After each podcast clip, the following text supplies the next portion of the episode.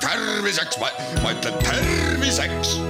saade valmib koostöös Ida-Tallinna Keskhaiglaga, vaata ka itk.ee tere, head Kuku kuulajad, eetris on saade Terviseks ja kui eilses saates rääkisime vaimsest tervisest, siis tänasel teemal jätkame.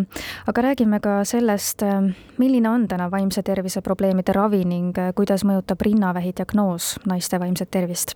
mina olen Ingela Virkus ja koos minuga on stuudios Ida-Tallinna Keskhaigla kliiniline psühholoog Inna-Narro Taimsaare, tere taas! tere taas!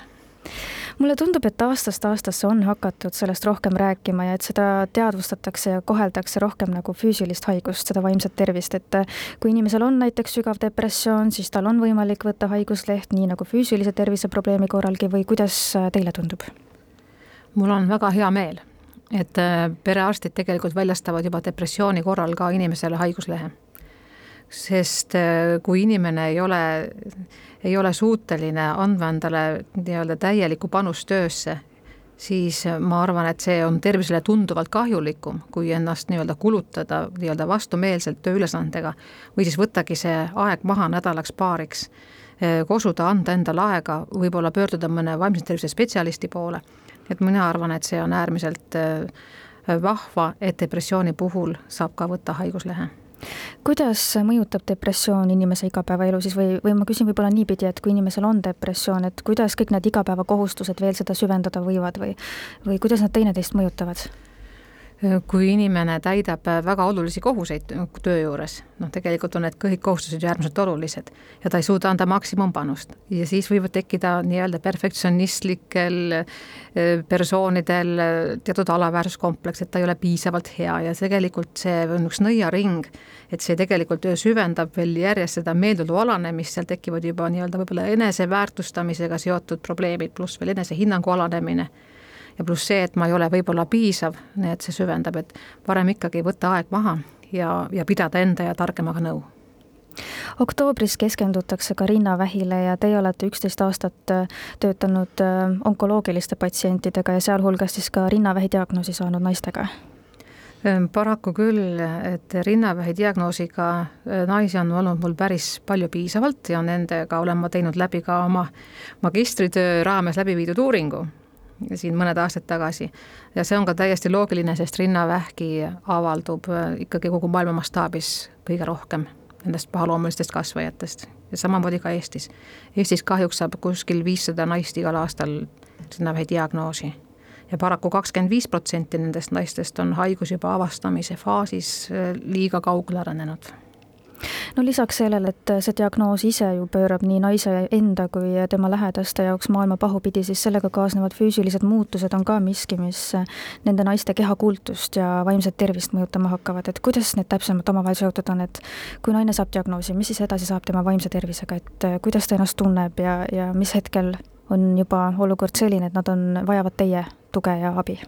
no kõige õigem oleks meditsiinisüsteemis see, et äh, inimene, vahet ei ole, kas on mees või naine, kui ta saab hetkel teada oma diagnoosi, oma tervisliku seisundi äh, tõelise hinnangu, et siis oleks tal võimalik koheselt pöörduda vaimse tervise spetsialisti poole.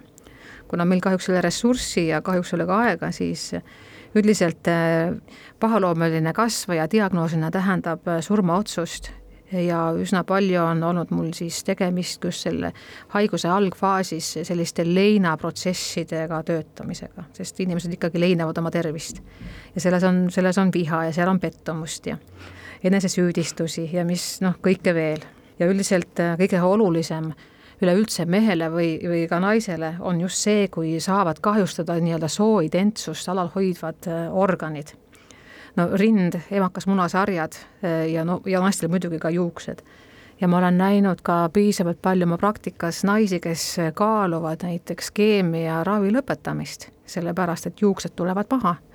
inimene võib jääda ilma ripsmetest ja kulmudest, et missugune ma siis välja näen. Eh, ja üldiselt eh, noh, ütleme, et siis sellisel teemal nii-öelda nõustamine aitab tegelikult ikkagi tuua selle naise kahe jalaga maa peale tagasi, sellepärast et juuksed kasvavad tagasi et mis on siis üks pool aastat või terve aasta olla ilma juusteta kogu ülejäänud elu kõrval aga kui juhtub nii, et on vaja rind täielikult eemaldada näiteks, et juuksed kasvavad tagasi, aga kuidas te seda naistele seletate või kuidas te selles osas annate nõu?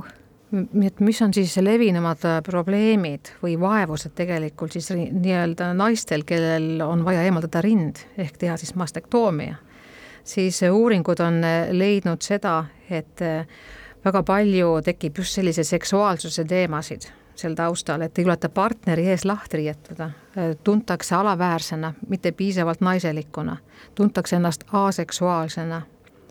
ja üldiselt äh, ka veel see, et ennast ei juleta isegi mitte peeglist vaadata, noh, mis omakorda veel põhjustab sellist alaväärsust ja rahulolematust oma välimusega no tänapäeval on ikkagi Eesti meditsiinisüsteem tulnud vastu juba kahe tuhande seitsmeteistkümnendast aastast, tegelikult rahastatakse rinna taastamisoperatsioone et eh, see rinnast ilmajäämine on loomulikult šokk ja tegelikult väga palju seostatakse ju rindadega seda naiselikkuse olemust üldse. aga see on veel ka noh, suhteliselt ta lapse kingades ja nii mõnigi naine on öelnud mulle, aga ta ei, varem ei teadnudki sellest, et see informatsiooni puudus on võib-olla ikka meil jätkuvalt meil suhteliselt äh, nii-öelda noh, alal. ja siin ma tahaksin veel tutvustada äh, sellist meetodit, et mis aitab siis nii-öelda naise esteetilist äh, rinda parandada. et on nüüd üks uusim meetod on areooli mikropigmentatsioon, mida siis ka nüüd tegelikult rahastab see Roosalindi jooks ja see heategevusüritus, et naised saavad nii-öelda pärast oma rinna taastamist siis taastada ka tegelikult selle nibu ja see jääb väga loomulik sest ütleme ausalt, et esteetiline välimus mõjutab väga palju naise enesehinnangut, vaimset tervist, võib ennetada juba eesootavat depressiooni, võib-olla ka ärevust. sest see ikkagi, see seksuaalsus paraku käib ka osaliselt naistel ju nii-öelda läbi rindade kuidas aga naine iseennast seal kõrval aidata saaks, et kuidas mitte siis, et päris depressiooni sattuda või kuidas depressioonis olles iseennast aidata, kui see kõik on juba nii sügav, et motivatsioon on kadunud ja raske on iga hommik voodistki tõusta? Et on see üldse võimalik või on siinkohal ikkagi oluline see lähedase olemasolu ja? no üldiselt kogu maailma mastaabis läbi viidud uuringud on näidanud seda, et äh, elulemus äh, nii-öelda onkoloogilistel patsientidel on seda kõrgem, mida soojemad ja toetavamad on äh, lähikondsed suhted. ehk siis peresuhted, suhted sõpradega ja muidugi eelkõige suhe iseendaga ja praegu siin ka ma paneksin kuulajatele südamele, et kui teie või keegi teie lähedastest saab pahaloomulise kasvaja diagnoosi, siis eh, oluline on mõtestada see haigus lahti. tänapäeval vähkkasvaja ei ole enam mitte surmav haigus, vaid on krooniline haigus ja nii-öelda õigel ajal avastatud kasvaja on ikkagi ravitav tänapäeval ja rinnavähi haigest tervistumine läheb juba sinna kaheksakümmend viis protsenti ja üle. Ma olen näinud isiklikult oma praktikas väga palju imesid just nimelt rinnavähi patsientide puhul. kuidas aga täna vaimse tervise probleeme ravitakse? no ravisid on nii medikamentoosses eh, kui ka terapeutilises eh, nii variatsioonis, kõige paremat ravi tegelikult eh, nii-öelda rakendatakse siis nii-öelda ravimite ja teraapia koosmõjul. Ja üldiselt fookuses me peaksime rääkima ka elustiili muutusest. no näiteks, kui on nii-öelda tegemist näiteks depressiooniga, siis kindlasti medikamentoosne ravi pluss siis nii-öelda see psühhoteraapia, aga inimene peaks vaatama läbi ka oma elustiili, et seal näiteks alkohol ja tubakatooted, kohvini tarbimist vähendada. Kui on tarvitatud veel mingisuguseid aineid, siis nendest peaks kindlasti loobuma, sest kõik psühhoaktiivsed ained, noh, alkohol, tubakas, narkootikumid, need tegelikult võimendavad veel kogu seda depressiooni sümptomaatikat, et alguses võib olla äärmiselt meeldiv ja hea, aga see tagasilöök on tegelikult kordades hullem. Et medikamentoosne ravi, psühhoteraapia ja elustiili muutus. Kindlasti muidugi uni ja toitumise kvaliteet aitäh teile saatesse tulemast ja nõu andmast, Ida-Tallinna Keskhaigla kliiniline psühholoog Inna Narro Taimsaare ning palju jõudu ja jaksu teile! ma tänan ja, ja siis tuletan meile kõigile meelde, et kui me saame selle halva diagnoosi, siis me ei ole mitte haiged inimesed, vaid inimesed, kellel on haigus ja haigusega saab alati elada käsikäes, kui jälgida raviskeemi. head tervist teile!